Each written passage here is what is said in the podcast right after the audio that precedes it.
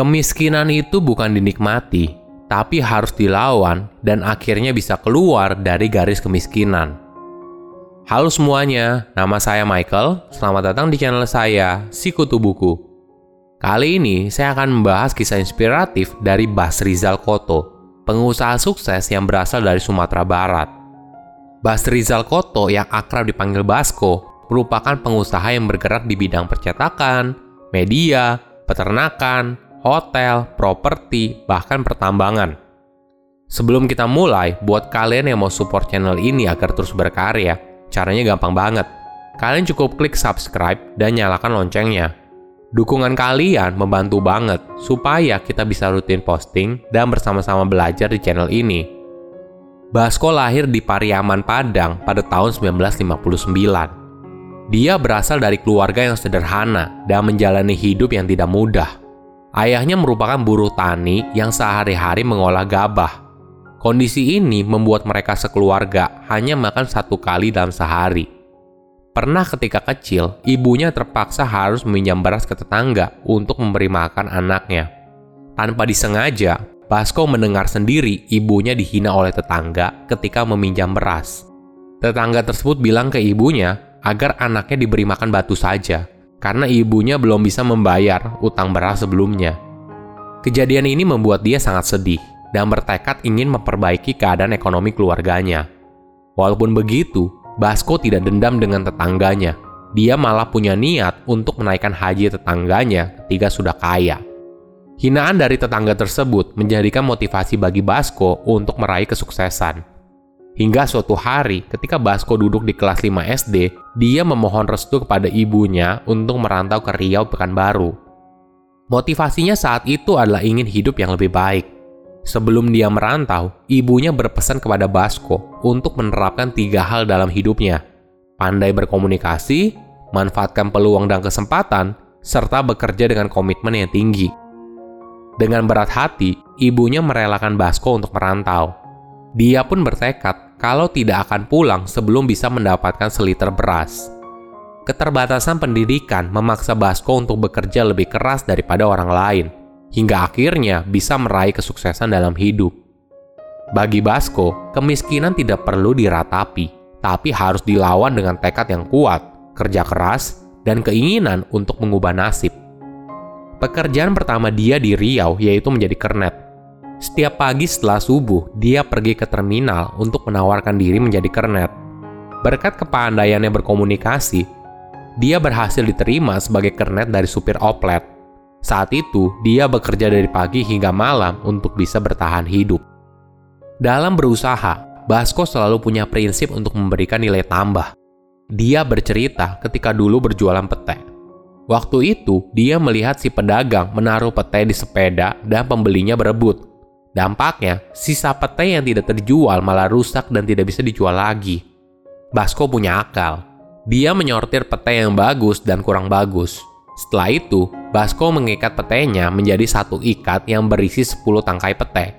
Dengan cara ini, pete yang dijajakan bisa dijual semua dan tidak rusak ketika dipilih oleh pembeli. Bukan hanya itu, Basko menyimpan pete yang bagus untuk dijual ke rumah makan Padang dan sisanya dijual ke pembeli di pasar. Nilai tambah ini membuat dirinya sukses menjadi pedagang pete. Basko punya analogi soal nilai tambah. Satu gelas kopi di pinggir jalan dan di hotel berbintang, harganya berbeda jauh. Satu gelas kopi yang isinya satu sendok kopi, satu sendok gula, dan air panas memiliki nilai yang jauh lebih tinggi apabila disajikan di hotel berbintang. Bedanya adalah ketika dijual di pinggir jalan dikemas dalam plastik bening. Sedangkan di hotel berbintang, kopi tersebut disajikan di gelas dengan suasana yang nyaman makanya harganya naik berkali-kali lipat. Bagi Basko, semua hal ini dia pelajari dari alam, karena setelah tidak sekolah lagi, alam menjadi gurunya. Ketika ada pemikiran, kenapa kita tidak buat seperti ini? Kenapa kita tidak buat lebih baik? Basko langsung menjalankan idenya. Jadi, ide tersebut tidak berhenti di pikiran saja, tapi diwujudkan menjadi kenyataan. Menurut Basko, ketika kita sudah memulai untuk mewujudkan ide menjadi kenyataan, artinya kita sudah sukses 50%. Kalau kita hanya berencana saja tapi tidak ada aksi nyata, sama saja artinya kalau kita sudah gagal. Prinsip Basko yang lain adalah kita harus berpikir sebelum orang lain berpikir. Basko bercerita ketika dia membuka toko jahit di Simpang Haru, Padang. Walaupun sudah punya modal dari usaha sebelumnya, namun ketika merantau ke Padang dari Pekanbaru, Basko memulai lagi dari nol. Modalnya saat itu hanya cukup untuk sewa toko selama setahun dan membeli sedikit bahan jahit. Pada zaman dulu, toko jahit selalu memasang kain di tokonya, Penampakan ini sangat berbeda dengan toko Basko. Saat itu, karena tidak ada modal, maka dia tidak memajang kain di depan toko. Namun hal ini tidak membuat Basko rendah diri, malah menjadi motivasi dan dia bertekad untuk menjadi salah satu tukang jahit paling besar di sana. Suatu pagi, Basko pergi ke pasar raya Padang untuk bertemu dengan pedagang kain. Di sana, dia memperkenalkan diri sebagai tukang jahit dan butuh sampel kainnya. Permintaan dia langsung disetujui oleh pedagang kain. Maklum saja, pada masa itu tidak ada tukang jahit yang minta sampel kain. Kemudian Basko langsung memajang sampel kain itu di atas meja. Itu baru salah satu inovasi yang dilakukan oleh Basko. Langkah selanjutnya yaitu mencari pelanggan. Di depan gedung tokonya ada dua klaster pelanggan potensial, yaitu Perumahan Bank Indonesia dan MES OJK. Ini bukan hal yang kebetulan. Sebelum Basko memutuskan untuk menyewa toko di Simpang Haru, dia sudah meneliti dulu kalau lokasi tersebut sangat strategis karena ada dua klaster pelanggan potensial. Basko lalu mendatangi dua klaster tersebut dan berjualan door to door. Ini merupakan hal yang pertama kali pada masa itu, tidak ada tukang jahit yang mendatangi rumah pelanggan. Mereka hanya menunggu di tokonya saja. Ketika berkeliling dari satu rumah ke rumah lainnya, para pelanggan potensial lalu diarahkan ke tokonya.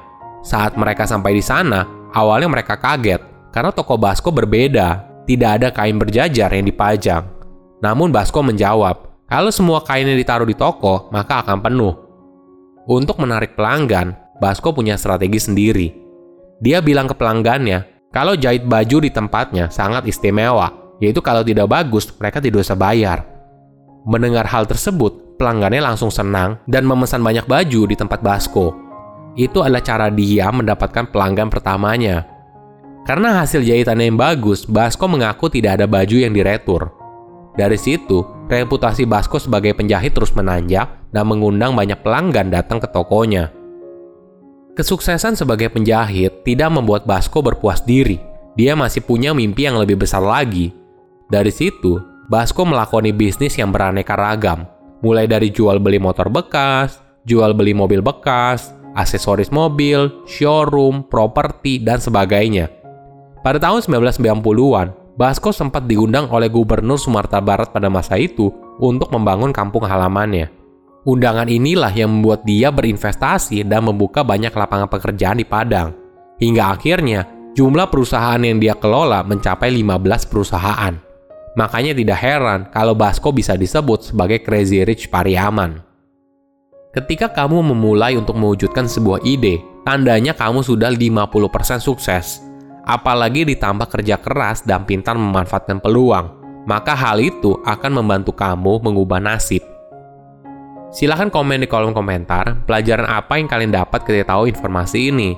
Selain itu, komen juga mau tahu informasi apa lagi yang saya review di video berikutnya.